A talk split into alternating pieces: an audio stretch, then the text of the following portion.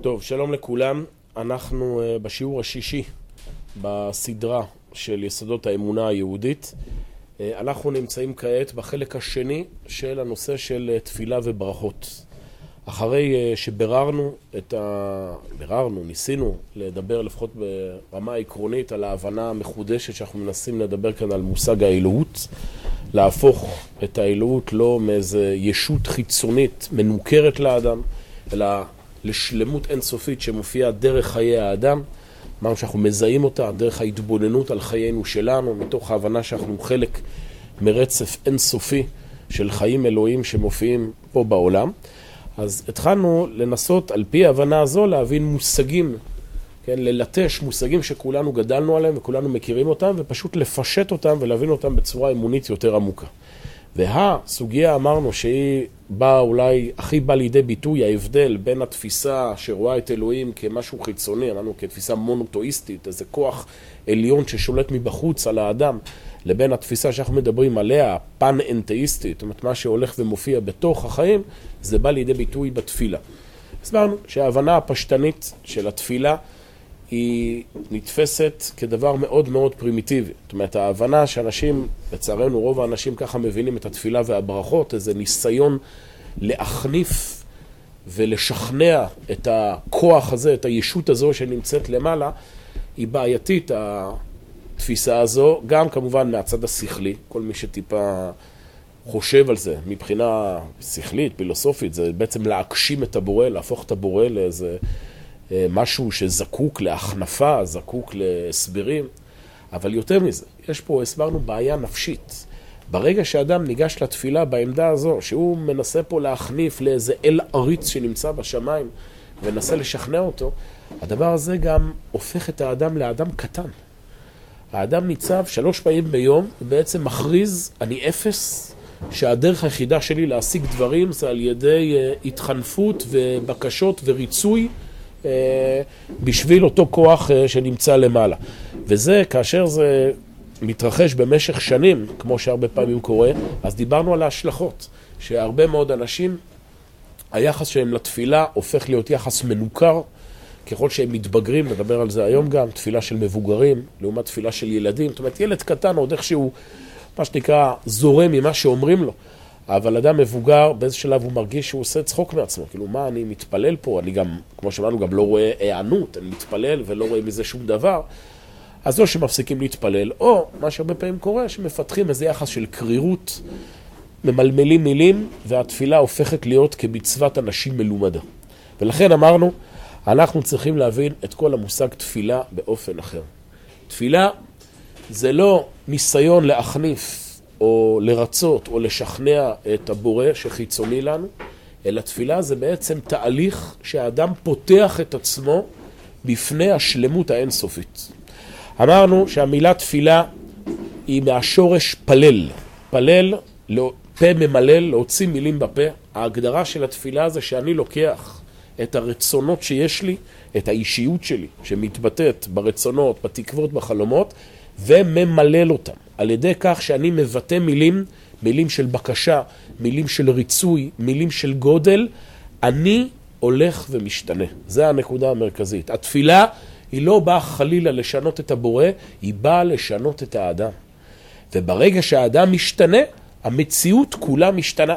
כי מה שקורה פה, זה יש לנו חיזוק הרצון ועידון הרצון. על ידי המילים של התפילה, דבר ראשון, הרצונות שלי, שהיו מאוד מעורפלים ומאוד מאוד לא ממשיים, על ידי זה שאני אומר את המילים, הם הופכים להיות חלק ממני, שאני אומר תפילה על ירושלים, שאני אומר תפילה על רפואה, שאני אומר תפילה על סליחה, אני עכשיו יותר שייך לירושלים, אני שייך יותר לסליחה, אני שייך יותר לרפואה, ולא רק שהרצון שלי עכשיו הוא יותר ממשי, אלא גם הרצון שלי הוא יותר עדין. אמרנו, מילות התפילה, בעיקר המילים שניסחו חכמים, יש מקום גם לתפילות אישיות, הזכרנו את זה, יש מקום, מקומות מסוימים בתפילה, בברכת שומע תפילה, יש גם אחרי יהיו לרצון נמרי פי, השם צורי וגואלי, אדם יכול לשפוך את ליבו ברמה האישית, אבל עדיין רוב התפילה היא בנוסח שקבעו חכמים, שהנוסח הזה מכריח אותנו לרומם ולעדן את הרצון.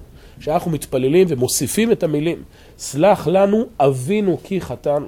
מחל לנו מלכנו כי פשענו, בעצם אנחנו עכשיו לא סתם מבקשים סליחה מאיזה פחד של uh, מה יקרה לי, אלא סלח לנו אבינו, סלח לנו מלכנו. אני מחבר את עצמי לאבהיות של אלוהים, למלכות של אלוהים בעולם, ועל ידי כך כל בקשת הסליחה היא כבר ממקום יותר גבוה. רפאנו השם ונרפא כי תהילתנו אתה. אני פונה לאלוהים ומבקש ממנו, אנא השם, יש פה זווית מסוימת בחיים שהיא לא שלמה, יש פה כאב, יש פה מחלה. תן לי להופיע את תהילתך בעולם, תן לי להופיע את השלמות האלוהית בעולם, על מנת שהעולם הזה יהיה עולם יותר טוב. ועל ידי המילים הללו אנחנו עוברים פה תהליך שינוי. והדגמנו את זה בצורה מאוד, אני אגיד במשפט אחד, ברכות השבח, ברכות הבקשה, ברכות ההודעה, שזה בעצם החלקים שמרכיבים את התפילה. ברכות השבח, שוב, אין עניינם להחניף לבורא, אלא ברכות השבח באים לפתוח אותי בפני הגודל שאני עומד לפניו בתפילה. אדוני, שפתיי תפתח ופי אגיד תהילתך.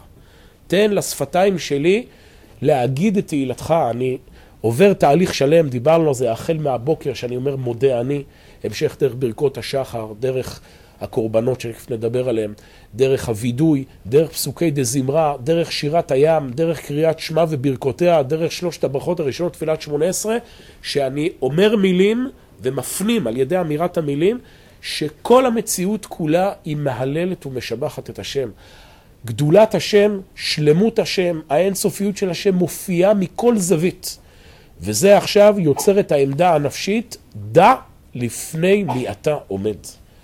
אתה עומד בתפילה מול גודל, מול גבורה, מול אמת, מול יציבות, מול נכונות, מול מלכות, מול יופי, מול נשגבות, מול מלאכיות, מול האינסוף. ואז אדם מגיע לברכות הבקשה, הוא מפרט את כל אותם דברים שחסרים בעולמו של הקדוש ברוך הוא, בפוקוס כמובן על אותם דברים שתיקנו חז"ל שהם הדברים המרכזיים, עם התוספות שיש לנו, שכמובן הולכות ומשתנות, יש תענית ציבור, יש גם דברים שהולכים וכל אחד מאיתנו, יש לו כמובן את הבקשות שמשתנות אצלו, ועל ידי הבקשות הללו אני עכשיו יותר שייך, בזכות הבקשה, בזכות החוסר הזה, זה גורם לי עכשיו לרצות יותר את הדברים האלה, להיות יותר שייך אליהם, וממילא, באמת, אני כבר במקום אחר, לפני תחילת התפילה. ואז ברכות הודעה, הסברנו, אנחנו מסיימים גם את התפילה בעמדה של קבלה, לא בעמדה של זכיחות, הנה קיבלנו אז אני לא צריך יותר שום דבר, לך טוב ולשמך נאה להודות, מודים אנחנו לך, זאת אומרת אני יודע גם בסוף התפילה שמקור הכל הוא מגיע ממך, ומתוך כך אני יכול ללכת ולהמשיך כמה שעות במהלך היום עד התפילה הבאה. זה התהליך שאדם אמור לעבור בתפילה. הזכרנו גם את הנושא של הברכות, שזה אותו רעיון, רק באופן יותר uh, ממוקד, זאת אומרת, בניגוד לתפילה, שזה תפילה על משהו, על, בצורה מופשטת, ברכות זה חל על חפצים, על אוכל, על הנאות, על ריח, על שמיעה. אנחנו מברכים על כל פעולות החיים שלנו.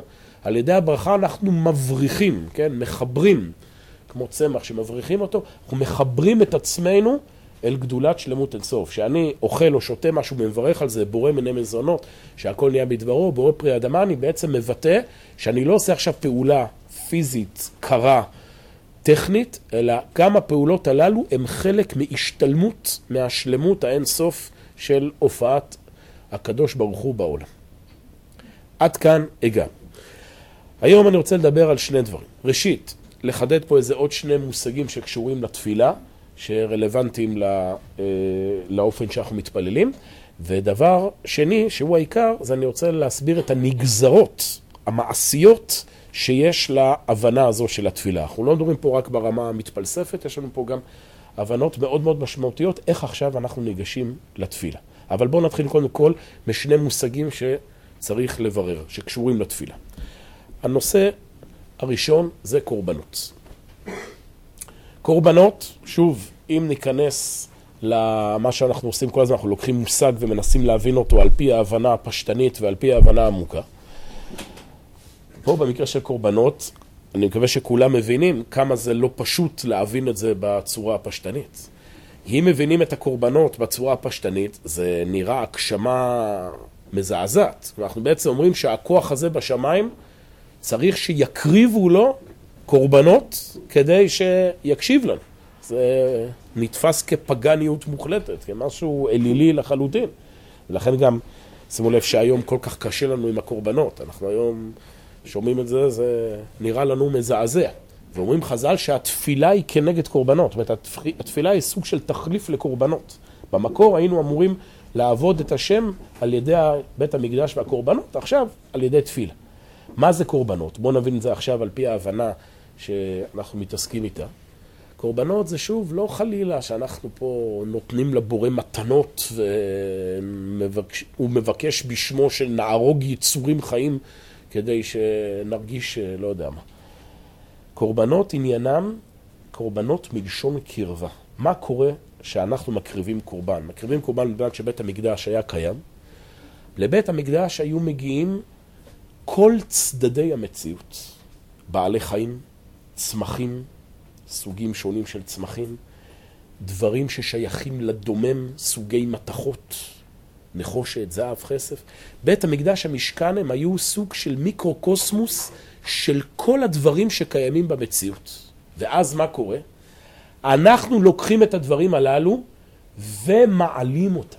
כאשר הכהן או הבעלים לוקחים עכשיו את הקורבן ואוכלים אותו, מה קורה? הקורבן שהיה עד עכשיו במדרגת חי, היה בעל חיים, הוא מתעכל בגוף הכהן, בגוף הישראלי, ועל ידי כך הוא מתרומם. בעל החיים בעצם משתדרג והופך להיות מיצור חי למשהו ששייך לעולם המדבר, לעולם האנושי. יש פה איזו שרשרת אבולוציונית שמרוממת את המציאות. בבית המקדש והמשכן לוקחים את כל סוגי הצמחים, בעלי החיים הדוממים, ומשתמשים בהם לקדושה. כלומר, לוקחים אותם ומרוממים אותם, משתמשים בהם לצרכים רוחניים. הארי הקדוש קורא לתהליך הזה בשם עליית העולמות. זה הרעיון של קורבנות, זה הרעיון של בית המקדש בכלל. בית המקדש, צריך להבין, זה לא הייתה עבודת השם באופן שכלי סטרילי. זאת אומרת, כשאנחנו לומדים תורה, אנחנו עובדים את השם על ידי השכל. אנחנו לומדים טקסטים, על ידי כך אנחנו מפתחים מחשבות, והמחשבות הללו יוצרות לנו רעיונות רוחניים שמרומים אותנו. בית המקדש, אדם היה נכנס לבית המקדש, די דומה למה שדיברנו בזמנו על הנבואה, הוא היה חווה חוויית חיים. אדם נכנס לבית מקדש, היה מקבל את הריח של הקטורת. לא יודע, מי שפעם, או מישהי כאן הלכה ב... לא יודע, בשוק, בעיר העתיקה, יש שם לפעמים חנויות עם פסמים אה, וקטורת. זה, זה ריח שתוקף את כל החושים. אדם היה מריח את הקטורת, רואה את הזהב, את הכסף, רואה את הדם של הקורבנות, כמה שלנו זה נשמע מזעזע, הוא היה נוגע בחיים בשיא העוצמה שלהם, בשיא הסערה שלהם. אנחנו קשה לנו היום להבין את זה, כי אנחנו מאוד מאוד uh, רגילים לעולם וירטואלי, ולכן כשאנחנו נוגעים טיפה עם דם או משהו, אנחנו מתעלפים במקום. אבל בזמן שבן שהיה קיים, בן אדם היה נכנס והיה עובר פה עכשיו חוויה שהקיפה את כל החושים שלו. כל החושים שלו היו מתרוממים. בית המקדש זה היה הזמן של עבודה רגשית, לא שכלית. זאת אומרת, זה היה הכל מתוך שכל ומתוך הבנה, אבל זה משהו שרומם את האדם ברמות היותר, הרב קוק קורא לזה באיזשהו מקום, הנפש היותר ילדותית. זאת אומרת, גם את הצדדים הילדותיים, לא במובן השלילי, אלא במובן של הצדדים הפראיים, הצדדים הסוערים של האדם, גם הם קיבלו עכשיו את הנגיעה אל הקודש בבית המקדש ובקורבנות. זו הייתה עבודת השם ברמה שונה ממה שאנחנו מכירים. למשל, קח דוגמה, פרה אדומה, כן, שזה המצווה אולי שהכי מביאה את זה לידי ביטוי, הטעם העמוק של פרה אדומה, את הטעם, זה לא פשוט טעם משפרה אדומה. אה, אומר שלמה המלך, אמרתי אחכמה והיא רחוקה ממנו, זאת אומרת, אין פה טעם פשוט, אלא יש כאן טעם שצריך להעמיק בו. מסבירים, הרב, הרש"ר הירש, מסבירים, מה זה פרה אדומה? פרה אדומה, לדוגמה, זה בעל חיים שמבטא את שיא עוצמת החיים. פר זה בעל חיים עוצמתי, שחורשים איתו את הקרקע. פרה זה הנקבה של הפר, זאת אומרת, מה שמביא את החיים הפרתיים לעולם. הפרה הזו לא סתם היא מלאת כוח, היא גם אדומה. זאת אומרת, משהו שמבטא מוחלטות של חיים. דם בלי, מה שנקרא, בלי תוספות. שלא עלה עליה עול, כן, שהיא לא עברה איזה שום שיעבוד. לוקחים את הפרה הזו, לוקחים את האפר שלה ומזים אותה. כן, זורקים את האפר, אם מישהו מעורבב במים, על בן אדם שנגע במת. זאת אומרת, לוקחים את החיים, את שיא עוצמת החיים, ומרימים את האדם שמת, שהוא יצא מהחיים, מחברים אותו חזרה לזרם החיים. כשאדם הקריב קורבן, כשאדם עבר תהליך התארות על ידי פרה אדומה, הוא השתנה. עבר שינוי באופן עוצמתי וחווייתי שאנחנו היום בכלל לא מגיעים לשם. הזכר לקורבנות זה תפילה. תפילה זה ניצוץ קטן ממה שהאדם עבר בזמן בית המקדש. התפילה, כמו שאתם זוכרים, דיברנו על זה בסוף שיעור שעבר, זה זמן של רגש. תפילה זה לא זמן שמתחילים שם פלפולים שכליים. אמרנו, תפילה זה כמו שאדם עומד בשקיעה ומתמלא בתחושות של שגב ורוממות. אדם בתפילה הוא חווה מעין נגיעה בבית המקדש. מעין קרבה לקדוש ברוך הוא שמרוממת אותו בכל חוויית החיים שלו. זה הרעיון של קורבנות והקשר שלהם לתפילה. כן. בתפילה הבנתי איך זה משפיע פסיכולוגית על... לא פסיכולוגית, שוב. תוציא את המילה פסיכולוגית. זאת אומרת, המילה פסיכולוגית, שוב, זה הופך להיות איזה סוג כזה שאדם עובד מול עצמו ומשכנע את עצמו להתרומם. לא, אנחנו עובדים מול אלוהים, זה לא פסיכולוגי. אנחנו פונים לאלוהים, יש פה כוחות רוחניים. אלוהים אינסופיים. שאתה פונה אל אלוהים ומשתנה בזה שאתה נפתח לכוחות האלה. לא שאתה עושה לעצמך שכנוע. יוני, לא הבנתי איך נגיד הזעה של פרה אדומה, איך איך זה משנה... אתה עושה פעולה, זה קשור בכלל לכל הנושא של מצוות. כשאתה עושה פעולה כלשהי, זה גם סוג של התרוממות. תפילה זה התרוממות על ידי הדיבור, פרה אדומה או כל מצווה אחרת, אתה מתרומם על ידי מעשה. אתה עושה מעשה, וזה שאתה מוציא מהכוח אל הפועל את החיים שלך על ידי ביטוי מעשי, זה גם הופעה יותר שלמה של חיים.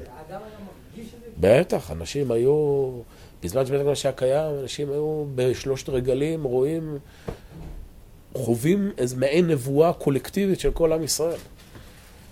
שוב, אנחנו יכולים רק ללמוד על זה. היום אתה יכול להרגיש את זה קצת, כמו שאמרתי, בתפילה. נכון שלפעמים עוד לך איזו תפילה טובה, לא יודע, בתפילת נעילה של יום הכיפורים, או באיזה רגעים מרוממים בתפילה. אתה, אתה מרגיש שאתה אדם שונה. אתה חווה עכשיו איזו חוויה עליונה רוחנית. תכפיל את זה פי מיליון, זה מה שהיה בבית המקדש. כמו שאמרתי, היום אנחנו לא שם, ולכן זה... אנחנו מפחדים מעוצמות כאלה. כשבן אדם מתחיל להיכנס לסחרור כזה, הוא מיד נרתע אחורה. אבל אז החיים היו בנויים אחרת. צריך להבין מה השתנה, אבל היום אנחנו יותר פועלים על ידי ההכרה ולא על ידי הרגש הנשמתי. כן. לא. אנחנו מסבירים את זה על ידי שכל. אתה מבטא רצון לא על ידי שכל. כמו שהדוגמה אני מזכיר שוב. כשאתה עומד עכשיו מול שקיעה, ורואה עכשיו את השמש מלטפת את הגלים וכולי, השכל לא עובד. אתה חווה, להפך, אם תפעיל את השכל, זה יהרוס לך פה את, ה... את החוויה. מה קורה פה? אתה מרגיש איזה, איזה התעלות, איזה התרוממות. למה? עכשיו, תסביר בשכל, כי יש לך פה איזה הרמוניה עם הטבע, והרגע הזה של השקיעה זה משהו שמבטא איזה שלמות שאנחנו לא רואים אותה בדרך כלל, אבל אתה מתרומם על ידי הרצון והרגש, לא על ידי השכל. והשתייה זה משהו חושני, אבל כשאני מתפלל, אני רק אומר דברים. נכון? אתה אומר דברים שמפעילים לך את הרגש. שלנו, בתפילה אתה לא מחדש דברים בשכל. רפאנו השם ונרפא, אתה אומר את זה שלוש פעמים ביום. אבל זה שאתה חושב על המילים, אתה כל פעם רוצה את זה יותר. רפאנו השם, כי תהילתנו, אתה, אם אתה באמת חושב על המילים וכולי, אתה, הרגש שלך כל פעם כמו שחוטאים בגחלים. אתה, ככה אתה מחטא בנפש שלך, כן, בתף. אתה, אתה משחק באש של הנפש שלך. על ידי המילים, בזמן המקדש, על ידי המעשים, ואתה הולך ומתרומם. אז זה הנושא של קורבנות. הלאה. עוד נקודה אחת לפני שנדבר על ההשלכות, כמו שאמרנו, של התפילה בהבנה עמוקה. רוצה לדבר גם על הנושא הזה. תפילה על אחרים. עד עכשיו דיברנו על התפילה עליי. אומרת, אני מתפלל עכשיו כל מיני דברים, ועל ידי כך אני משתנה, כמו שאמרתי, כי אני עכשיו רוצה יותר, אני נפתחתי יותר לדבר השם, אני מעודן יותר, ואני משתנה. אבל איך זה שאני מתפלל על מישהו חולה? הרי לכאורה אני מתפלל, לא הוא. תשובה, מה זה תפילה על אחרים? כאשר אנחנו מתפללים על דברים שמעבר לחיים שלנו, הנחת המוצא היא שהכל קשור להכל. זאת אומרת, החיים פה ב, בעולמו של הקדוש ברוך הוא הם אורגניים, זו מילה שעוד נשתמש בה הרבה. אורגני, זאת אומרת, הקשר בין יצורים בעולם הזה, לא רק אגב יצורים חיים, גם דומם, צומח וכולי, זה קשר שהכל שייך לאחדות אחת. יכולים טיפה לראות את זה ברמה המאוד מאוד אה, חיצונית של זה, במה שמכנים כיום אפקט הפרפר. נכון? אפקט הפרפר זה ביטוי לרעיון פילוסופי שתנועה של פרפר בקצה כדור הארץ גורמת בתהליכים מורכבים מסובכים לסופת טייפון בצד השני. בסדר, יש לזה הסברים תיאורטיים. כשאני מזיז פה את האצבע, אז זה גורם לכם להסתכל טיפה שנייה לפה, ואז אתם שנייה אחת המחשבה שלכם חושבת קצת אחרת, ואז כשהיא חושבת קצת אחרת זה משפיע עליכם שתלכו הביתה, וכשתלכו הביתה אז אתם עושים פעולה אחרת. הכל, זה רק הקליפה החיצונית של משהו עמוק יותר. שכל המציאות כולה היא גוף אחד חי ונושם שקשור אחד לשני. ממילא, שאני מתרומם על ידי התפילה, לא רק אני מתרומם, המציאות כולה מתרוממת. כמו אצבע שמושכים אותה, אז זה מושך אחריה את כל היד. שאני עכשיו מתפלל רפאנו השם ונרפא, כי תהילתנו אתה, לא רק אני מתרומם. כל החיים עכשיו מופיעים יותר רפואה. למה אני אומר את השם שעל מי שאני מתפלל עליו? לרפואת משה בן שרה? כי בזה שאני אומר את השם, אני יכול למקד את הרצון שלי. זאת אומרת, כשאני מתפלל באופן כללי, עד השם שכולם יהיו בריאים, זה מפעיל רצון מסוים, אבל רצון מאוד uh, גולמי. כי קשה לנו לרצות באופן אמיתי את הרפואה של כל המציאות. כאשר אני אומר שם ספציפי, אני רוצה לרפואת זה בין זה, אני יכול עכשיו למקד את הרצון על משהו יותר מוחשי. ממילא זה גורם לרצון שלי, בזווית הספציפית הזו, להתמקד יותר, לרצות יותר. הפעמים כמובן זה יוצר מצב אבסורדי שאנחנו אומרים שמות של אנשים שאנחנו בכלל לא מכירים וסתם uh, מזכירים את השמות שלהם. בסדר, אבל זה גם משהו. זה שכבר הזכרנו פה שם, ש... ו... אז זה כבר אנחנו יותר עכשיו רוצים את, ה... את הרפואה בזווית הזו. ואנחנו גם מוסיפים בתוך שער חולי ישראל, כמובן, תמיד להיות קשור להכל, אבל הרעיון הוא שהתפילה שלי היא מרוממת את כל העולם. לכן אנחנו מתפללים לרפואה, נותנים צדקה לרפואת מישהו, ואנחנו עושים פעולות שאנחנו מבקשים שהם ישנו גם אותם ולא רק אותם. אוקיי, עד כאן זה היו שתי הערות ביחס לתפילה, ועכשיו ניגש פה לעיקר. אוקיי, לפני זה שאלה, כן. סליחה, עם ישראל רואה את הביטוי בקטע הזה. כי הרב אומר שאני מתפלל על כל המציאות שלה, אבל אבל יש עניין של עם ישראל, נכון? אז כאילו ש... מה זאת אומרת של עם ישראל? יכול ש... אצלי זה שבעצם... הרי יש... אם אני מתפלל כביכול על על- על שהמציאות משתנה, אז אני מכוון כביכול על עם ישראל,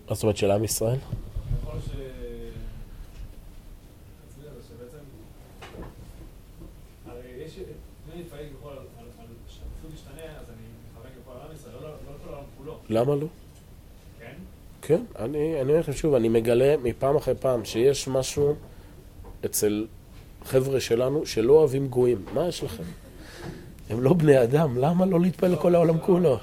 אה? אבל כשאני מתפלל עכשיו על... אה, לא יודע, סלח לנו, מכוון כל העולם כולו, כן.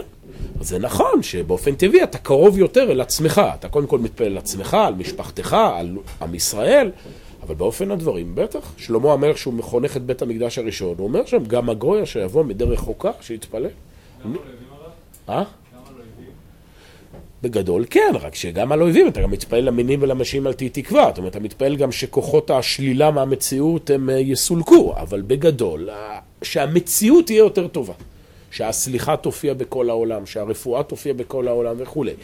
באופן טבעי אנחנו יותר רוצים על עם ישראל, אבל לא רק, לא רק.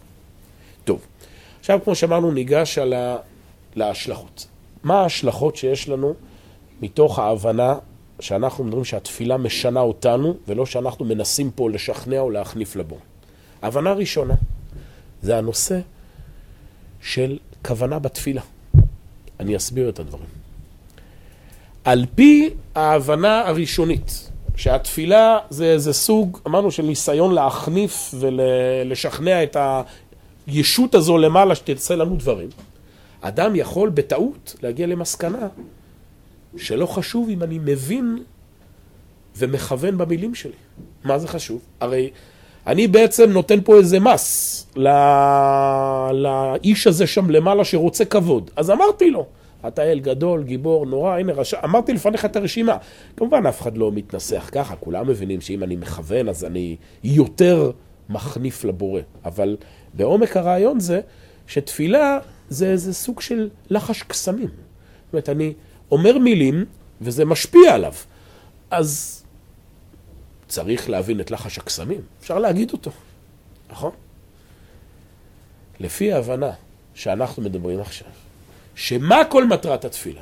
מטרת התפילה זה להשתנות, שאתה, שאת תשתנו.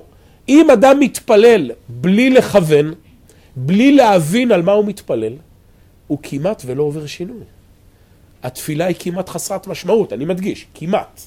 כל תפילה יש לה משמעות, כי כל תפילה, עצם זה שאדם עומד מול אלוהים, אפילו שהוא לא מבין אף מילה, אפילו שהוא לא מרוכז בתפילה והוא רק ממלמל, עצם העמידה זה כבר איזה סוג של שינוי.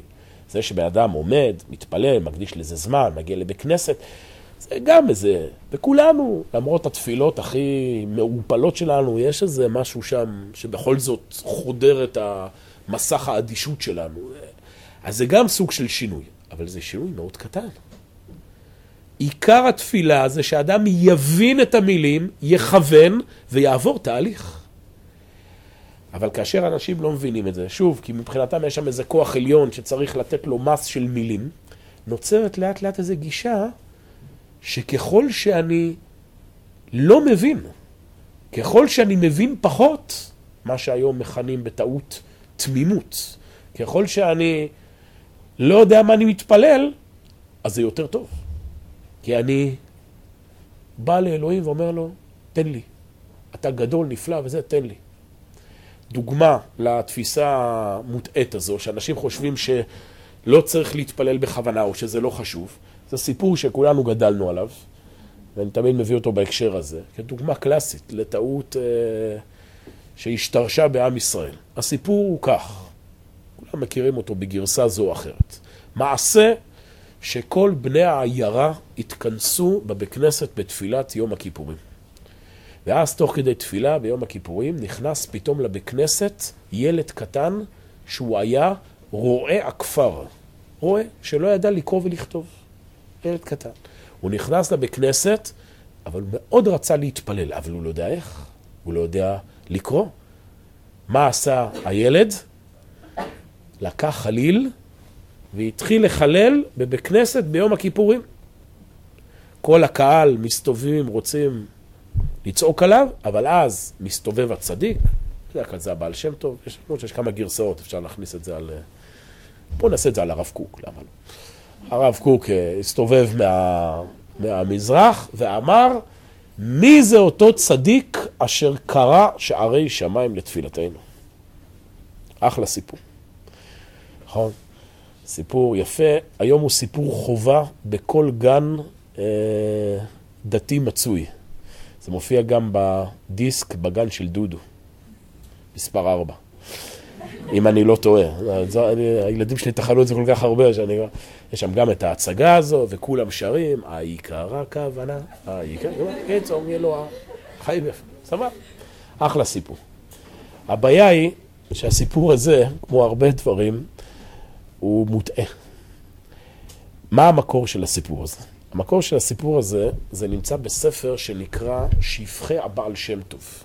ספר שנכתב פחות או יותר בתקופת הבעל שם טוב, שיש קצת ויכוחים מי כתב אותו, זאת אומרת, זה מקור מאוד, אה, מה שנקרא, מעורפל. אה, ובסיפור המקורי יש שינוי מהסיפור שאנחנו מכירים. א', יש גרסאות דווקא בשכב הבעל שם טוב זה לא בדיוק, אבל בסיפורים אחרים יש גרסאות שהילד לא מחלל בחליל, אלא צועק, אנא השם הושיע נא, זה נקודה אחת. והנקודה היותר חשובה, שהבעל שם טוב בסיפור המקורי, הוא מסתובב ואומר, הוא לא אומר את המשפט, מי זה אותו נער אשר סייע לתפילתנו, אלא הוא אומר את המשפט, מי זה אותו ילד או נער, סליחה, הוא לא אומר את המשפט, מי זה אותו צדיק אשר קרא שערי שם לתפילתנו, אלא מסתובב ואומר את המשפט, מי זה אותו נער אשר סייע לתפילתנו. התפילה של הילד סייעה, עזרה. הסיפור שכולנו מכירים, שהילד מחלל בחליל ביום הכיפורים, והתפילה שלו, החילול שלו, הופך להיות יותר גדול מהתפילה של הצדיק, כן? הוא זה שקרא את שערי השמיים, זה גרסה שמי שהכניס אותה לציבור, זה סופר השכלה חילוני בתחילת המאה ה-20, קוראים לו יודמם ברדיצ'בסקי, שהוא היה בגישה חילונית, שהוא לקח את הסיפור המקורי ושינה אותו. מה המסר בסיפור המשודרג שכולנו מכירים? מסר אחד, כמו שאמרנו, זה עם החליל. המסר הוא, אם אתה מאוד רוצה להתפלל לאלוהים, אתה מאוד מרגיש צורך להתפלל לאלוהים, תחלל בחליל ביום הכיפורים, זאת אומרת, תעבור איסור שבו דה רבנן, וזה בסדר. כי העיקר הכוונה. זה מה שחשוב. זה מסר, כמו שאוהבים תמיד להגיד בבתי המדרש שלנו, מסר נוצרי מובהק. בסדר? זה מסר יהודי, מה פתאום? אתה יכול כמה שאתה רוצה לרצות, אתה יכול כמה שאתה רוצה להתפ... לרצות להתפעל לבורא, לא עוברים על הלכה. זה א', אבל נקודה יותר חשובה לענייננו, שבסיפור המשודרג, הילד, התפילה של הילד, היא יותר גדולה מהתפילה של הצדיק. גם יותר מהתפילה של המבוגרים. הם לא מצליחים לקרוא את שערי השמיים. מי קורא את שערי השמיים? הילד שלא יודע לקרוא ולכתוב. מה מוסר ההשכל? עדיף לא לדעת לקרוא ולכתוב. עדיף לא להבין את המילים. זה המסר. מה פתאום? מה פתאום? תפילה של ילד בוודאי שיש בה חשיבות. אומרים חז"ל, תינוקות של בית רבן, יש בתפילה שלהם משהו שלפעמים אין למבוגרים. כי ילד, יש פה איזו תמימות, איזה חוסר צביעות. הילד, מה שהוא באמת מרגיש, זה מה שהוא אומר. אין אצלו אחד בפה, אחד בלב. זה נכון. אבל עדיין הילד, הוא מתפלל ברמה מאוד נמוכה, כי כל העולם השכלי והאישיותי שלו הוא מאוד נמוך. על מה הוא מתפלל? הוא מתפלל לקבל סוכריה. הוא מתפלל כי אמרו לו. או אומרים לו אפילו, בואו תתפללו על זה שחטפו שלושה נערים. זה על מה הוא מתפלל? הוא מתפלל אה, כי הוא מבין שהמבוגרים אומרים שזה חשוב, אז הוא מביע פה איזה משהו. באופן מעורפל הוא מרגיש שהוא חלק גם מעם ישראל וכולי. אדם מבוגר אמור להישאר עם התמימות של הילד, זה מה שאומרים חז"ל. אדם אמור להישאר, יחד עם כל השכל וכל הבגרות, להישאר עם הזרימה והכנות וחוסר הצביעות שיש לילד, אבל על זה להכניס את המימד של הבגרות ושל ההבנה. אתם מבינים? לראות ילד מתנהג כמו ילד, זה מאוד קוסם, זה מאוד אה, שובה לב, כי יש איזה באמת משהו באותנטיות, בכנות של הילד ששובה אותנו. אבל לראות מבוגר מתנהג כמו ילד, זה עצוב. למה? כי יש כבר פה פער. המבוגר הוא מבוגר, הוא צריך להבין, להבין מה שהוא עושה. אדם לא אמור להתפלל כמו ילד, מה פתאום? תפילה של ילד היא לא תמיד תפילה של מבוגר. אני זוכר, תמיד שקראתי את הסיפור הזה בתור ילד, לא הבנתי את זה. אמרתי, שאלתי, אני זוכר, בתור... אני לא מבין, אז, אז לא צריך ללמוד, כאילו, למה ללמוד תורה? הילד שלא לומד כלום, ואפילו מחלל בחליל ועובר עבירה, הוא עושה יותר טוב מהצדיק, אז מה יש לשבת וללמוד? מה פתאום? צריך להישאר עם הזרימה והספונטניות הילדותית בתפילה, ועל גבי זה להבין את המילים. אומרים חז"ל, מי שיש לו חולה בתוך ביתו, לא ילך לילד שיתפלל עליו, כמו שהיום מקובל, שכל פעם שיש בעיה מביאים איזה חבורת ילדים ונותנים לו לדקלם פסוקי תהילים. אומרים חז"ל, מי שיש לו חולה בתוך ביתו, ילך לחכם ויתפלל עליו. אדם הולך לתלמיד חכם, הולך לצדיק, הולך לצדיקה, שהם, שיש להם עכשיו יותר שלמות, יותר קישור למציאות, התפילה שלהם מרוממת. זה הרעיון. וזה מסתדר, הגישה הזאת, אני לא סתם מביא את זה, אני מביא את זה כדוגמה, זו גישה שלמה, שהיא מסתדרת מאוד עם התרבות היום, שהתרבות היום זה מה שנקרא תרבות פוסט-מודרנית, תרבות שמיואשת, כבר אני כבר עונה, שמיואשת מהשכל. אז התרבות היום מאוד עובדת על הציר הזה, שילדים הם יותר טובים ממבוגרים. זה, זה המסר. אומרת, מבוגרים הם רעים, ילדים הם טובים. נכון? זה מופיע בספרות, השיח הקטן זה דוגמה לז'אנר הזה. פיטר פן, הילד שלא רוצה לגדול, כל מיני שירים כמו תשמור על העולם ילד, כי אנחנו כבר לא יכולים. זו תחושה כזו של תרבות מיואשת, שאומרת שככל שאני אהיה יותר מבוגר, ככל שאני מבין יותר את המורכבות של העולם הזה, זה רק רע. העולם הזה הוא רע, עדיף להישאר ילד. זה עצוב מאוד שבן אדם רוצה להישאר ילד. אדם אמור לצמוח ולגדול, והתפילה שלו אמורה להיות מלאת שכל, ולכן הנגזרת היא שצריך להבין את המילים. מי שבגיל מבוגר, כמו שלצערנו יש הרבה כאלה, שבגיל מבוגר ממשיך להתפלל כמו ילד, התפילה שלו מאוד קטנה.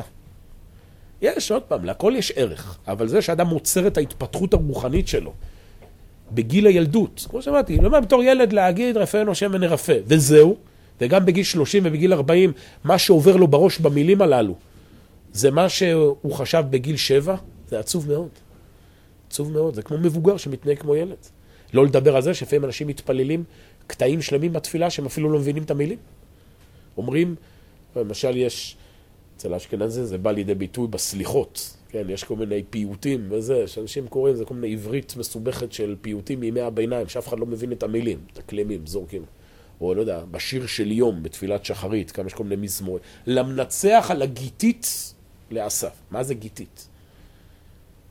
אדם אומר את המילים.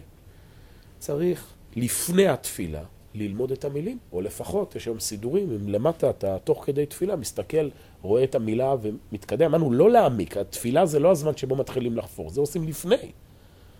אבל מגיעים לתפילה, וככל שמבינים יותר את התפילה, התפילה משנה את האדם, ומתוך כך המציאות מתרוממת.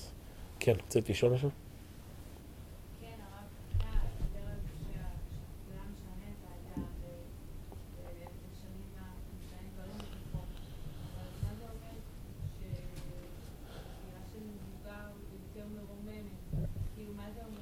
כי הוא מבין יותר, מבוגר מבין יותר את המציאות, יש לו כוונות יותר עמוקות, הרצון שלו הוא רצון בהרבה יותר רחב ואיכותי מאשר רצון של ילד.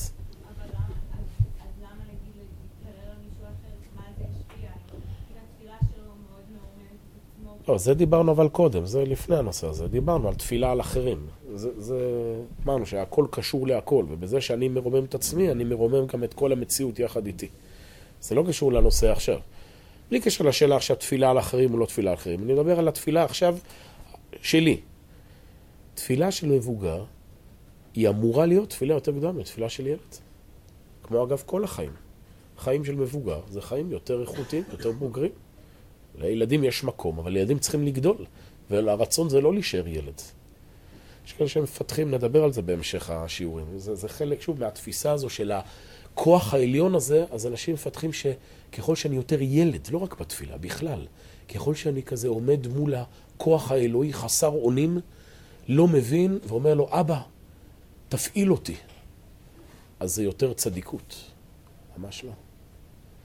ככל שאתה יותר מתוחכם, ככל שאת מבינה יותר, ככל שאת פועלת יותר בעולם הזה, אלוהים מופיע יותר דרך החיים שלנו. זה עבודת השם. קדושה זה לא להיות אדם חסר אונים. אומרים חז"ל, מה קדוש לעולם קיים? קדושה זה קיימות. נבואה חלה על חכם, גיבור ועשיר, לא על ילד שלא יודע לקרוא ולכתוב. נבואה חלה על אדם מלא בכוחות, מלא בעוצמה, מלא בתחכום, שעם כל זה הוא שומר על התמימות והספונטניות והזרימה של הילד. אז זה נקודה ראשונה, הבנת המילים. שהיא שתפילה תשנה אותך, תשנה אותך, צריך להבין את המילים כמה שאפשר, כמובן זה אינסופי. לשבת, אז צריך להקדיש זמן במהלך החיים, לא יודע, במהלך השבוע, לקבוע ולאט לאט להבין את המילים של התפילה. ולפחות, כמו שאמרתי, להבין את המילים הבסיסיות תוך כדי, ה... תוך כדי התפילה עצמה. זה נקודה ראשונה. נקודה שנייה, שגם נגזרת מההבנה הזו. הכל זה אותו קו. בזמן אני מקווה שזה... תראו איך שהגישה הזו, מה זה אלוהים? זה בעצם חורז עכשיו את כל החיים. זה משנה את כל עבודת השם. לפי הגישה, שוב, שיש פה איזה כוח עליון, יש איזה ישות שם למעלה שאנחנו נמצאים איתה באיזה מערכת יחסים. מה זה תפילה, יגיד? אמרנו, תפילה זה לבקש מאלוהים. המחשבה, קו החשיבה הזה יגיד, אני יכול לבקש מאלוהים מה שאני רוצה. הרי מה הרעיון של התפילה? הרעיון של התפילה זה לשכנע את אלוהים, או לבקש ממנו. אני מבקש עכשיו מה שבא לי. לא. אם אדם מבין שתפילה עניינה שינוי של האדם, מה מטרת התפילה? מטרת התפילה להפוך אותך, להפוך אותך ליותר אלוהים, ליותר שלמים, ליותר מוסריים, ליותר... יותר, יותר שלמים. אדם לא יכול להתפלל על משהו שיביא חוסר שלמות לעולם. אדם לא יכול להתפלל, בבקשה אלוהים, תעשה שאני אהיה גנב יותר מוצלח. אני חושב שזה גם הורס כל מיני סיפורים אה, על כל מיני גנבים קדושים שהתפללו לפני הגניבה. נחמד. פתאום? אדם לא יכול להתפלל נגד רצון של אלוהים. אתה לא יכול להתפלל משהו שסותר את התפילה שלך. יש ביטוי של חז"ל שאומרים, בדרך שאדם רוצה מוליכים אותו. זה ביטוי שחייבים לבוא ולהגיד שלפעמים אדם שרוצה לעשות חטאים, הקדוש ברוך הוא נותן לו, מה שנקרא, ללכת ולהידרדר, כי הדרך היחידה לרומם אותו זה על ידי זה שהוא יתרסק, ועל ידי כך יש סיכוי שהוא יחזור בתשובה. יש רעיון כזה. אבל ברמה ההכרתית הישירה, אתה לא יכול להתפלל על משהו שהוא נגד רצון הבורא. כל המטרה של התפילה זה לרומם אותך, אז אתה מתפלל, לא, אנא השם עשה שאני ארד. זה לא רק בדברים שהם נגד הלכה, שזה אנחנו מבינים שהקדוש ברוך הוא לא רוצה את זה. יותר מזה, גם בדברים שהם נגד הסדר שהקדוש ברוך הוא מנהיג בעולם. לדוגמה, אומרים חז"ל, אם אדם הולך ומתקרב לבית שלו, ופתאום שומע צעקה מתוך הבית, ואז הוא מתפלל, אנא השם, עשה שהצעקה לא תהיה בתוך ביתי. אומרים חז"ל, תפילת שווא. זו תפילת חסרת משמעות. למה? מה, השם יכול לעשות הכל, לא? אז אנא שהוא יעשה, שיחזיר את הזמן אחורה ו... והצעקה לא תהיה בתוך ביתי, לא. הקדוש ברוך הוא הנהיג את העולם.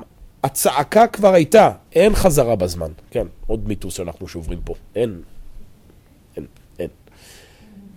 אז עכשיו אתה יכול להתפלל, אנא השם עשה שהכאב הזה שהיה בתוך ביתי יהיה לצמיחה. יהיה לנו את הכוח לצמוח ממנו, להתגבר. האדם לא יכול להתפלל נגד מה שנקרא הקיר. כל הגישה הזו שאנשים מאמצים לעצמם, שתפילה פראית, שאני יכול להתפעל על מה שאני רוצה בלי להתחשב במציאות, זה תפילת שווא. אומרים חז"ל, המסיר אוזנו משמוע תורה, גם תפילתו תועבה. דורשים חכמים, מה זה תועבה? צירוף של שתי מילים. טועה בה. מי שמסיר אוזנו משמוע תורה, במשמעות הרחבה, הוא לא מבין מה הקדוש ברוך הוא רוצה ממנו, הוא מתפלל תפילה של טעות. הוא כמו פולגז בנוטרל, הוא מתפלל על משהו שלא צריך להיות. איך אני יודע מה הקדוש ברוך הוא רוצה ממני? זו שאלה. אז יש דברים שאנחנו יכולים לדעת באופן ברור. אמרנו, מה שמנוגד להלכה, מנוגד למוסר, אנחנו מבינים. יש דברים שאנחנו גם יכולים להבין, שאנחנו רואים שזה מנוגד למציאות. אני לא יכול להתפעל עכשיו, אנא השם עשה שאני אהיה נשיא ארצות הברית. זאת אומרת, אפשר להתפלל, רק שזה לא, זה לא עובד, ניסיתי. לא הולך. למה? תפלל, תפלל, השם יכול לעשות הכל. לא. אתה לא תהיה נשיא ארצות הברית. למה? אני יכול לתת לך עכשיו הרבה הסברים, אבל זה לא. אנא השם, עשה שאני אהיה ציפור. בבקשה, בבקשה, בבקשה. לא תהיה ציפור. בגלגול הבא, לא יודע, אבל בגלגול הזה, לא. מה אבל אמרו לנו, אין דבר העומד בפני הרצון. נכון, אמרו לכם את זה. אין משפט כזה ביהדות. בטח שיש דבר עומד בפני הרצון. אני רוצה עכשיו לחיות לנצח. טוב. אני רוצה עכשיו. אה, דודי, איזה רעיון למשהו מופרך? איך? אני רוצה עכשיו להיות השמש. זה מה ששמעתי, אז אני משדרג את זה. רוצה להיות עכשיו השמש. הרעיון של כל המשפטים, אני כבר עונה, כל המשפטים המצ'ואיסטים האלה, אין דבר עומד בפני הרצון, והכל בראש שלך, וזה, זה משפטים יפים שנועדו לרס"פים של גולני. בזמן, אה, בזמן אה, ברור. הרעיון שלהם, שהוא באמת נכון, שיש פער גדול בין מה שבן אדם חושב שהוא יכול לבין מה שהוא באמת יכול. זה נכון. ויש הרבה דברים שאדם נראה לו שהוא לא יכול, ואם הוא מאוד ירצה ויתפלל זה, זה ישתנה. זה נכון, יש פה מרחב מאוד גדול, אבל לא באופן מופקר. והנה, הדברים האלה זה מוביל לעולם שלם. אני, אני מנסה לחשוב, זה הכל עסקת חבילה, העמדת נפש ההזויה.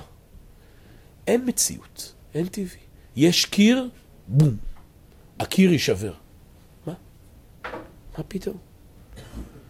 אני קובע עכשיו משהו, בתאריך זה וזה, יקרה לי נס. החלטתי. בתאריך זה וזה, אני הולך להתחתן.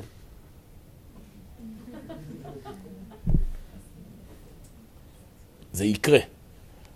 אבל זה יקרה. אתה, אתה לא, אתה לא מאמין.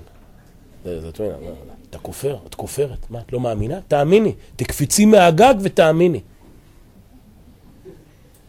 זה עולם הזוי שקשור ל, לרעיון הזה של עמדת נפש כזו. מה נסגר?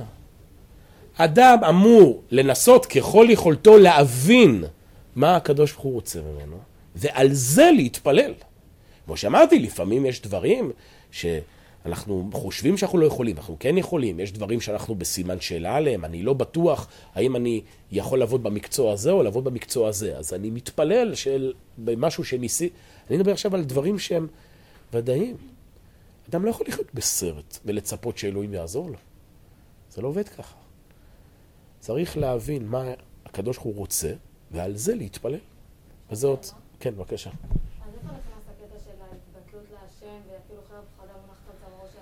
זה, חרב חדה רוצים להגיד לך, אפילו שאת נמצאת במצב שנראה מאוד לא סביר, אבל עדיין יש איזשהו סיכוי, תתפללי.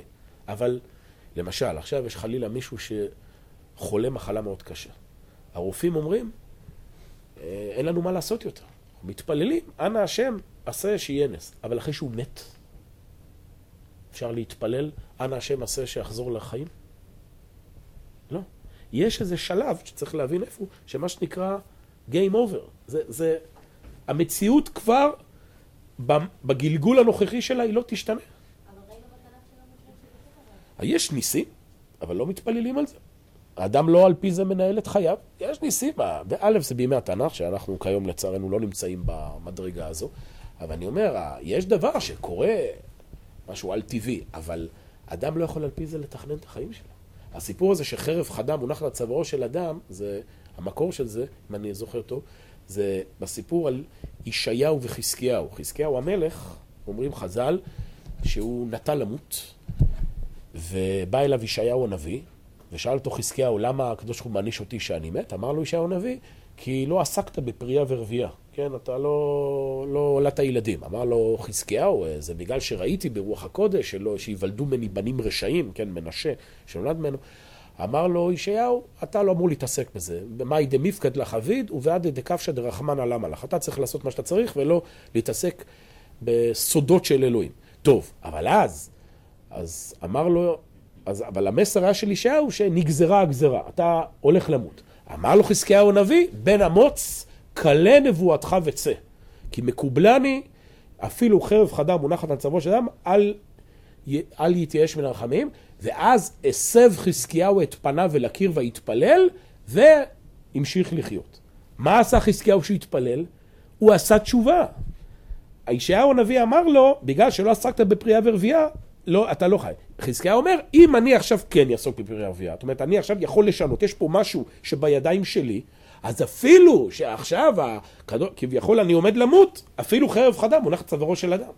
אבל אם מדובר, כמו שאמרתי, על מציאות שהיא בלתי ניתנת לשינוי בעולם הזה. אמרנו, מישהו מת. אמרנו. המציאות נגמרה. עבר, הייתה צעקה בתוך הבית. פה אדם לא יכול להתפלל באופן פראי. ואם נוריד את זה לרמות יותר מעשיות שלנו, אדם למשל לא יכול ללכת למקצוע שבאופן חד משמעי ברור הוא לא טוב בו ולא מתאים לו. ולהתפלל שאנא השם עשה שאני אצליח בו. אדם לא יכול להחליט למשל החלטות בנושאים משפחתיים באופן הזוי ולצפות שאלוהים יעזור לו. היה לי פעם מקרה כזה.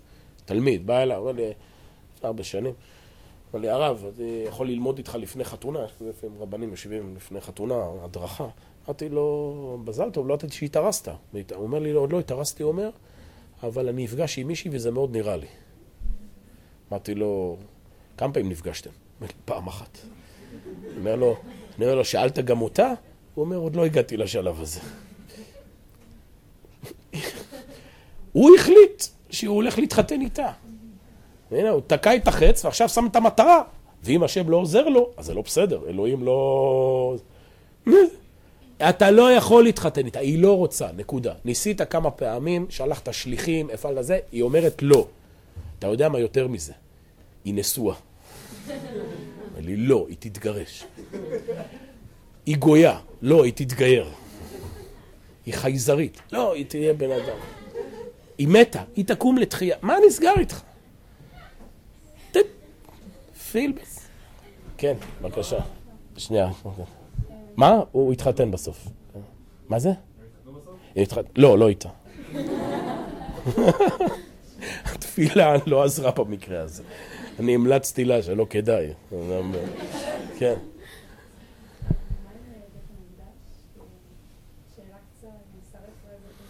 את צודקת שמי שמבקש את זה בצורה פשטנית, יש בזה מין תפילת שווא.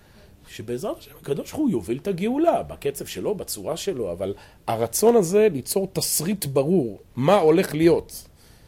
כן? ואם הקדוש ברוך הוא לא עושה את זה, אז uh, זה לא בסדר, אז זה סתם בהזיות של בני אדם. וזה אחת הבעיות הקשות היום. אנשים כל הזמן נמצאים למפח נפש, לא רק בתפילה, זו עמדה נפשית של, כולה, שלמה כזו, שאין התחשבות במציאות. אין התחשבות בנורמל, בהיגיון, בשכל. מצפים שיהיה פה איזה... מצפים לנס. ואחרי זה, אחרי שזה לא קורה, עכשיו צריך חיזוקים באמונה, למה זה לא קרה, ולמה זה, והבטחתם, וזה וזה וזה. חוסר פשוט הבנה באמונה. תפילה יכולה להיות על דברים מסוימים. זאת אומרת, אדם יכול להתפלל בחשבון הנצח, אני מתפלל בחשבון הנצח, ש... לא יודע, שהיא אפילו עכשיו שלא עלינו, אני מת לי קרוב, אני מתפלל שבעזרת השם ניפגש איתו במהלך שרשרת הדורות. ודאי יש דבר כזה, תהיה נשמתו צורה בצור החיים וזה. אבל אי אפשר עכשיו על מישהו שמת, לבוא, אנא השם, עשה שהוא לא, שהוא לא ימות ומחר אני, הוא יהיה לידי. כן.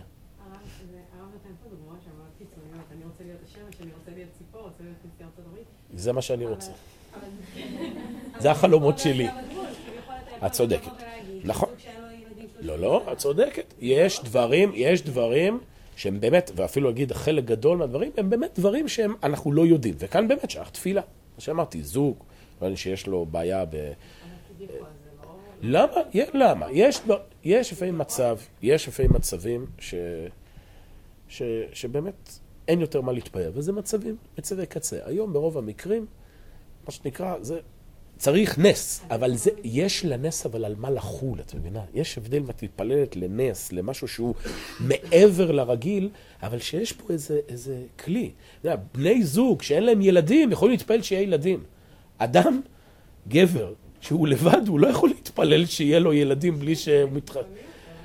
לא מדבר שהוא יעשה עכשיו אה, אימוץ וכאלה, הפריה, אני מדבר על ה... את לא יכולה להתפלל על משהו שאין לו... ממשות במציאות. את יכולה, כמו שאמרתי, על דברים שיש להם ממשות, וגם עד איפה מותחים באמת את התפילה והתקווה. אני מדבר על אנשים שבאופן פראי ומוחלט פשוט לא מתחשבים במה שקורה. וכמו שאמרתי, יש גם דברים שהם... נכון שיש מה להתפלל להם, אבל שאדם יפעיל היגיון, ו- ויבין שזה לא תפקידו. למשל בן אדם שהוא הולך ללמוד איזה משהו, אומר רש"י למשל, תלמיד שלא ראה שש שנים ברכה בלימודו, שוב אינו רואה. מה? מה זאת אומרת? שיתפלל, שישבור את הראש, כמו כל הסיפורים. יש מצב כזה שהאדם מבין, זה לא פשוט לה, להגיע לזה, זאת אומרת ששנים צריך יותר, שאדם מגיע למסקנה, בדרך הזו אני לא אצליח. אז אדם מה אמור לעשות? לא להמשיך לשבור את הראש בקיר ולהתפלל תפילות שווא, אלא מתוך ענווה להבין שיש לו תפקיד אחר בעולמו של הקדוש ברוך הוא. שוב, אז למה דווקא שש? למה לא שש וחצי? את צודקת, אז זה שיקול, יש, אז זה כבר עכשיו שאלה בכל עניין לגופו. בכל דבר, בסופו של דבר, אדם כיום שאין לנו נבואה ואין לנו רוח הקודש, אנחנו מחליטים, מה שנקרא, מתוך שיקול דעת סביר. ניקח את זה דוגמה, את הולכת ללמוד עכשיו, לא יודע, רפואה. סתם, ניסית, אה, פעם ראשונה נכשל, פעם שנייה, פעם שלישית, פעם רביעית. עכשיו, יכול להיות שגם אם תמשיכי להתפלל, בסוף כן תהיי רופאה, אבל אחרי 10-15 שנה תהיי רופאה בינונית. אפשר לעשות את זה. לעומת זאת, אם עכשיו תתפתחי ותגידי, בעצם יש לי תפקיד אחר בעולם, ואני הולכת להיות, לא יודע, פיזיקאית גרעינית או זה, שם אני אראה ברכה. זאת אומרת, הרצון הזה של בן אדם להתעלם ממה שהקדוש ברוך הוא משדר לו מהמציאות, ולהמשיך להיכנס דוך בקירות, זה לא, זה לא אמונה, זה טיפשות. אמונה זה לנסות לזהות כמה שאפשר, ואני מסכים שהרבה פעמים אנחנו לא יודעים לזהות בדיוק, לזהות כמה שאפשר מה תפקידנו, ועל זה להתפלל. וכמובן, ניסים תמיד יכולים להיות, אבל לא על פי זה אדם מחליט החלטות, ולא על פי זה אדם מתפלל תפילות. כן. גברים, כאילו, לא. זה נושא ארוך, אבל לא, זה לא קשור דווקא לתפילה. זה כללי הבדל בין גברים לנשים. התחלנו באופן כללי, שתפילת נשים היא באופן טבעי יותר, יותר פועלת, בגלל שנשים עניינם יותר, זה ה... כן, הקדוש ברוך הוא התאווה לתפילתן של אימהות, נכון? שהם היו... איך נבין באמת את המדרש הזה, נכון? הקדוש ברוך הוא התאווה לתפילתן של אימהות. זאת אומרת, השלמות אינסוף יצרה חוסר דווקא אצל האימהות, כדי שהן, האימהות, ילכו ויתרוממו בתפילה שלהם ויצאו שלהם. יש משהו באמת בתפילה, כזה הנשית, שהיא יותר, אה, יותר קרובה לאלוהים, אפשר לקרוא לזה ככה. אבל, אה, וגברים, לכן הם צריכים מניין, הם צריכים כאילו להיות חלקים מכלל ישראל כדי שה... להפעיל את הרצון שלהם, בעוד שנשים צריכות פחות. זה כבר נושאים יותר אה, דקויות בין לבין. בסדר? נגזרת אחרונה והחשובה ביותר. בסדר? זה, בזה נסיים את השיעור, ואני חושב שבאמת הנגזרת השלישית מניסיוני היא החשובה ביותר. אמרנו, כאשר אדם מבין את התפילה, שוב, כאיזה פנייה לאיזה כוח עליון עריץ שנמצא למעלה, ואני רק עכשיו מנסה להחניף לו ולשכנע אותו. אז אמרנו, דבר ראשון, אדם חושב שהוא לא צריך לכוון, והוא סתם זורק מילים, וזה ישכנע שם את המערכת, לתת לו את מה שהוא רוצה. דבר שני, אמרנו, אדם מתפלל בלי לשים על מה הוא מתפלל. זורק רצונות בלי קשר למציאות, ובמקום להבין שזה חלק משינוי, ושינוי זה להכיר איפה הוא נמצא ולהתרומם מכל כוחות החיים שלו וכו'. נגזרת שלישית, מה זה נקרא תפילה נענית? שוב, על פי ההבנה שתפילה, אמרנו זה איזה ניסיון לשכנע את אלוהים לתת לי את מה שאני רוצה, מתי אנחנו נחשוב שתפילה נענית? שקיבלתי את מה שאני רוצה. שלא קיבלתי את מה שאני רוצה, סימן שהתפילה לא נענית. וכמו שאמרתי לכם בתחילת השיעור שעבר, זה בעיה קשה. כי מי שכנה עם עצמו, הוא יודע ש-99.9% מהתפילות הן לא נענות בצורה הזו. אנחנו מתפללים עשרות אלפי תפילות בחיינו, והאחוז שמהם קיבלנו הענות למה שביקשנו הוא כלום. אמרנו, החל מזה שהיינו ילדים והתפללנו שבבקשה, בבקשה, ייוולד לנו אח קטן, וזה לא קרה. המשך מזה שהתפללנו בבקשה, בבקשה, בבקשה, שנקבל ממתק, ולא קיבלנו. המשך מזה שהתפללנו נורא נורא נורא שאני אקום בלילה ותגיע פיית השיניים, ו... והיא לא הגיעה, לפחות לא אצלי, לא יודע מה איתכם. והמשך בדברים יותר רציניים, שאנשים כל פעם מתפללים, גוש קטיף, שלושת הנערים, נחשון וקסמן, וזה לא קורה. בן אדם שחי בתודעה הזו, שהכוח הזה אמור לתת לי את מה שאני רוצה, הוא בבעיה. מה עושה האדם הדתי שנתקל בבעיה הזו? יש כמה שיטות התחמקות. שיטה אחת זה להכניס את המילים, אלוהים לא עובד אצלנו. או בגרסה אחרת, אלוהים זה לא סנטה קלאוס, זה כאילו אמור לנחם אותי בזמן שאני לא מקבל. זה בעצם המסר. כאילו, אתה חשבת שאלוהים ייתן לך את מה שאתה רוצה? הוא לא נותן שום דבר.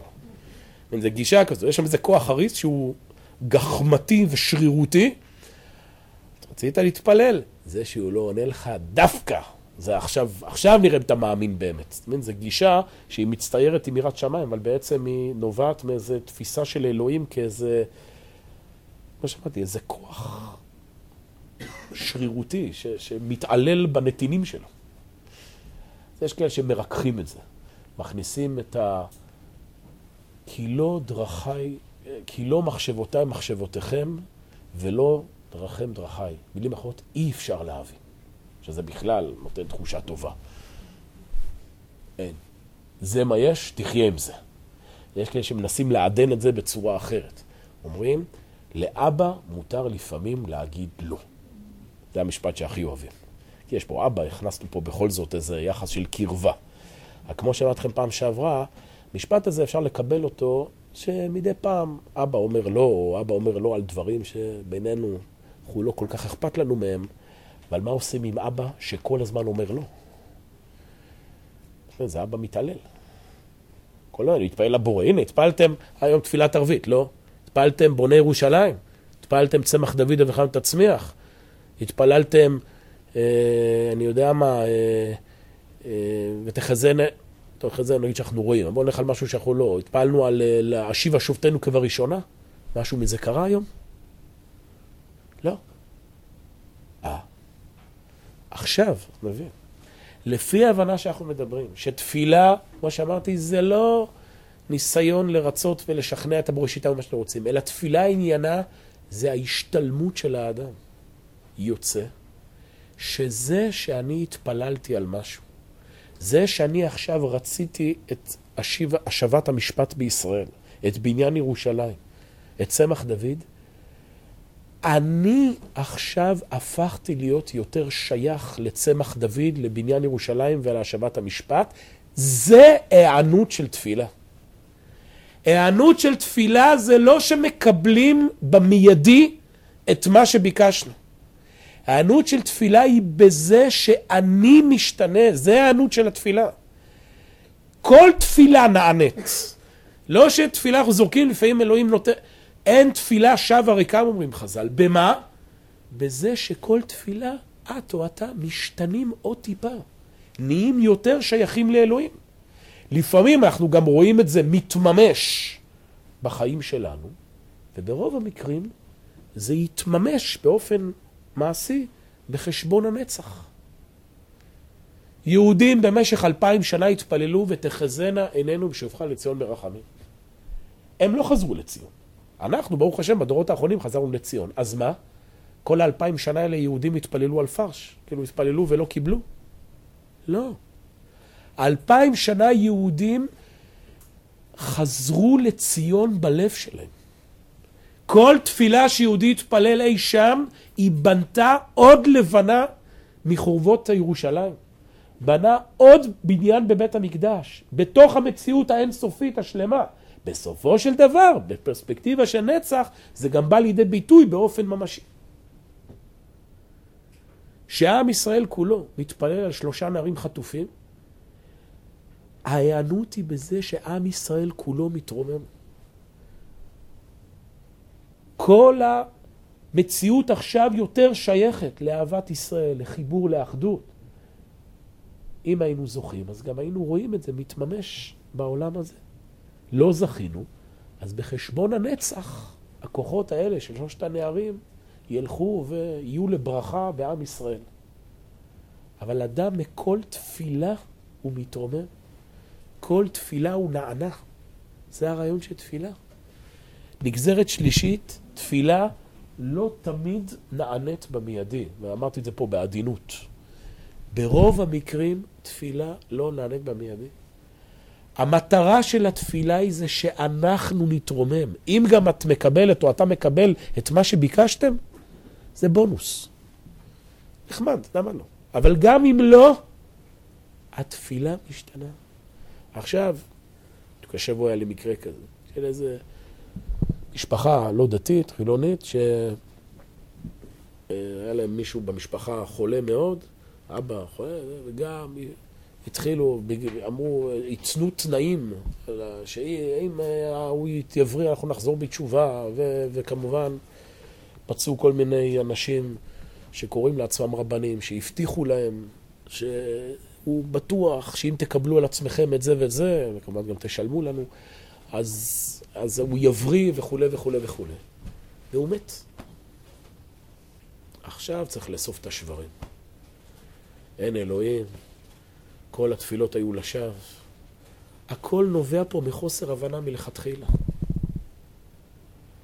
התפילה היא על זה שאתם, עכשיו החוסר הזה שנפגשתם איתו בחיים, הוא בא לרומם אתכם. הוא בא לגרום לכם עכשיו ללכת ולהתחבר יותר לאביכם שבשמיים. אם נזכה, גם נראה את הרפואה פה בעולם הזה, ואם לא נזכה, אז לא. אבל התפילה עצמה היא משמשת כעילוי, אם, אם היא השיגה את שלה.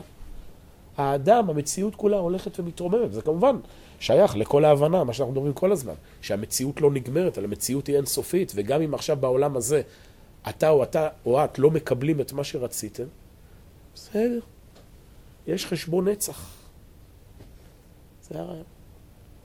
כן, שאלות ונסיים.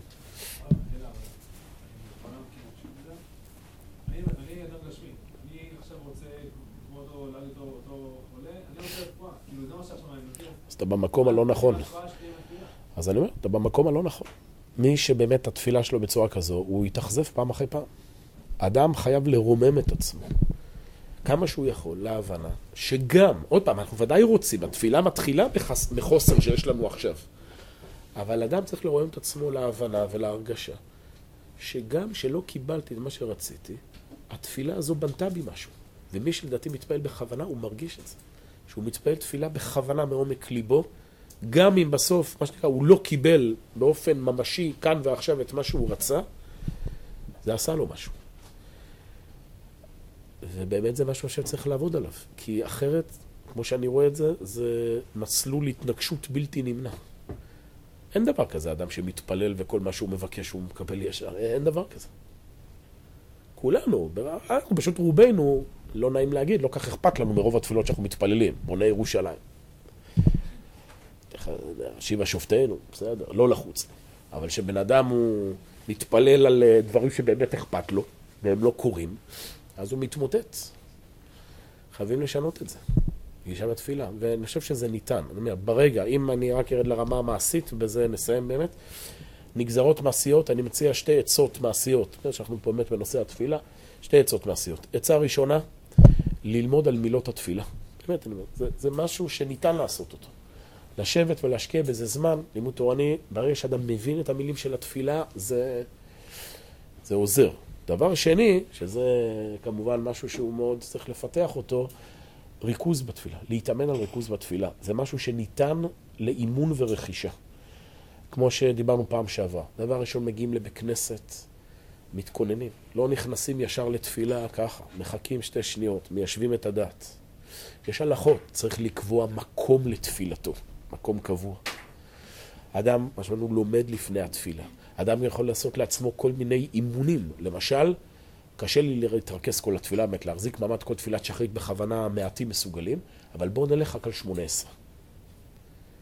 18 קשה, מתחילים עם שלוש ברכות ראשונות. שלוש ברכות ראשונות, עכשיו במשך חצי שנה אני מתאמן על זה. שלוש ברכות ראשונות אני מתרכז. אחרי חצי שנה, מעבירים את זה לעוד שתי ברכות. תהליך של שנה, בן אדם מסוגל להגיע ששמונה עשרה הוא בכוונה. אחרי זה, קריאת שמע וברכותיה, פסוקי דזמרה, ובאיזה שלב נוצר מצב שבן אדם, כן, גם תפילה רגילה שלו, ביום-יום, היא, היא, היא לפחות עם יותר כוונה מאשר הייתה עד עכשיו. וזה תהליך שעם השנים, כמו שאדם לומד יותר ומתפתח יותר, זה אמור רק ל- ללכת ולרומם אותו, אה, ואז הדברים אה, פועלים, פועלים בזה שהאדם מרגיש שינוי בתפילה. אני אגיד לכם, כל תפילה תפילה זה קשה להרגיש שינוי. היו מגדולי ישראל שמספרים שכל תפילה, הם, היה להם חוויה חדשה. לנו זה קשה, אבל אדם יכול להביט על התפילה שלו בגיל 40 ולראות שהיא תפילה יותר בוגרת ובכוונה מאשר בגיל 30. וזה הישג לא רע, הישג לא רע. ועם זה הולכים ומתקדמים הלאה ומתרוממים עוד ועוד לנושא תפילה. כן. אה.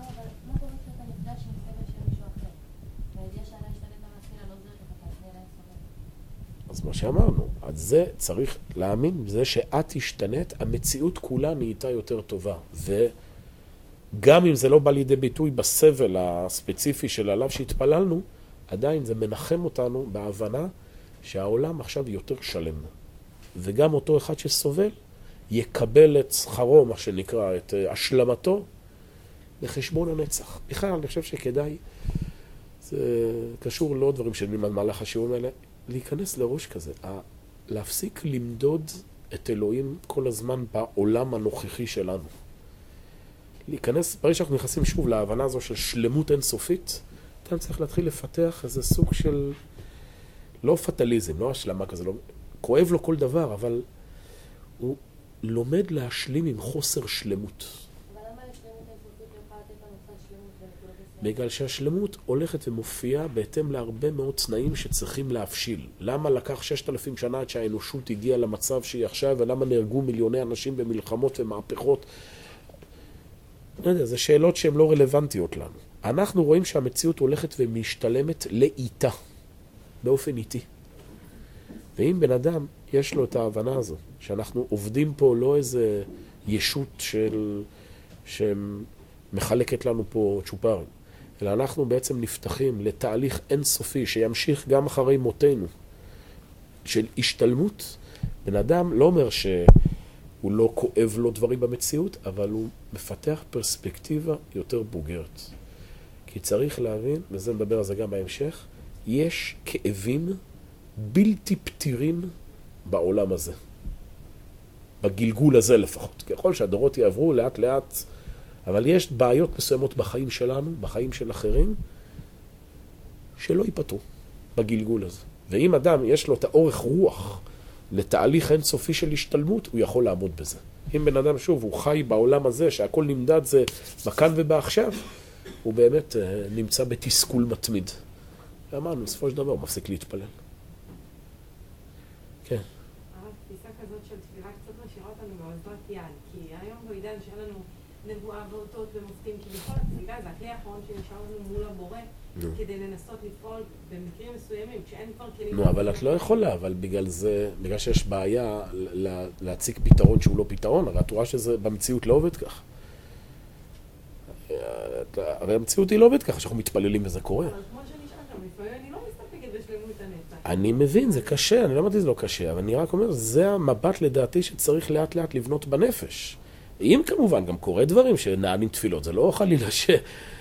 תפילה אנחנו גם רואים פעולות שלה לפעמים, אבל אני אומר, לתלות עכשיו את האמונה, וכמו שאתה אומר, במקום לתלות עכשיו על זה, שאני אתפלל וזה יקרה, את רואה שהקדוש ברוך הוא לא מוביל ככה את העולם היום. זה לא עובד ככה.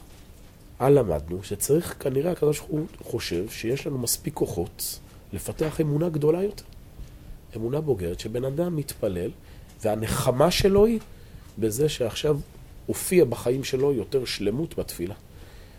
קשה, אבל אה, אין ברירה. זה פשוט אין דרך אחרת. דרך אחרת לדעתי זה פשוט, מה שנקרא, בן אדם יכול להחליט, לא, אני מתפלל והנה זה קורה. אבל זה לא קורה, מה תעשה? מה? אותי זה מנחם. בסדר. זה מנחם, אני חושב, כמו שאמרתי קודם, שזה מאוד קשור איך אדם חווה את התפילה שלו. כשאומרים את זה בפלסף, זה לא מרגיש. כשאדם עובר תפילה טובה, זה ממלא אותו. והמילוי הזה נותן לו המון כוחות. גם שהוא לא מקבל את הבקשה הספציפית כאן ועכשיו. טוב, נעצור כאן, היה שיעור קצת ארוך.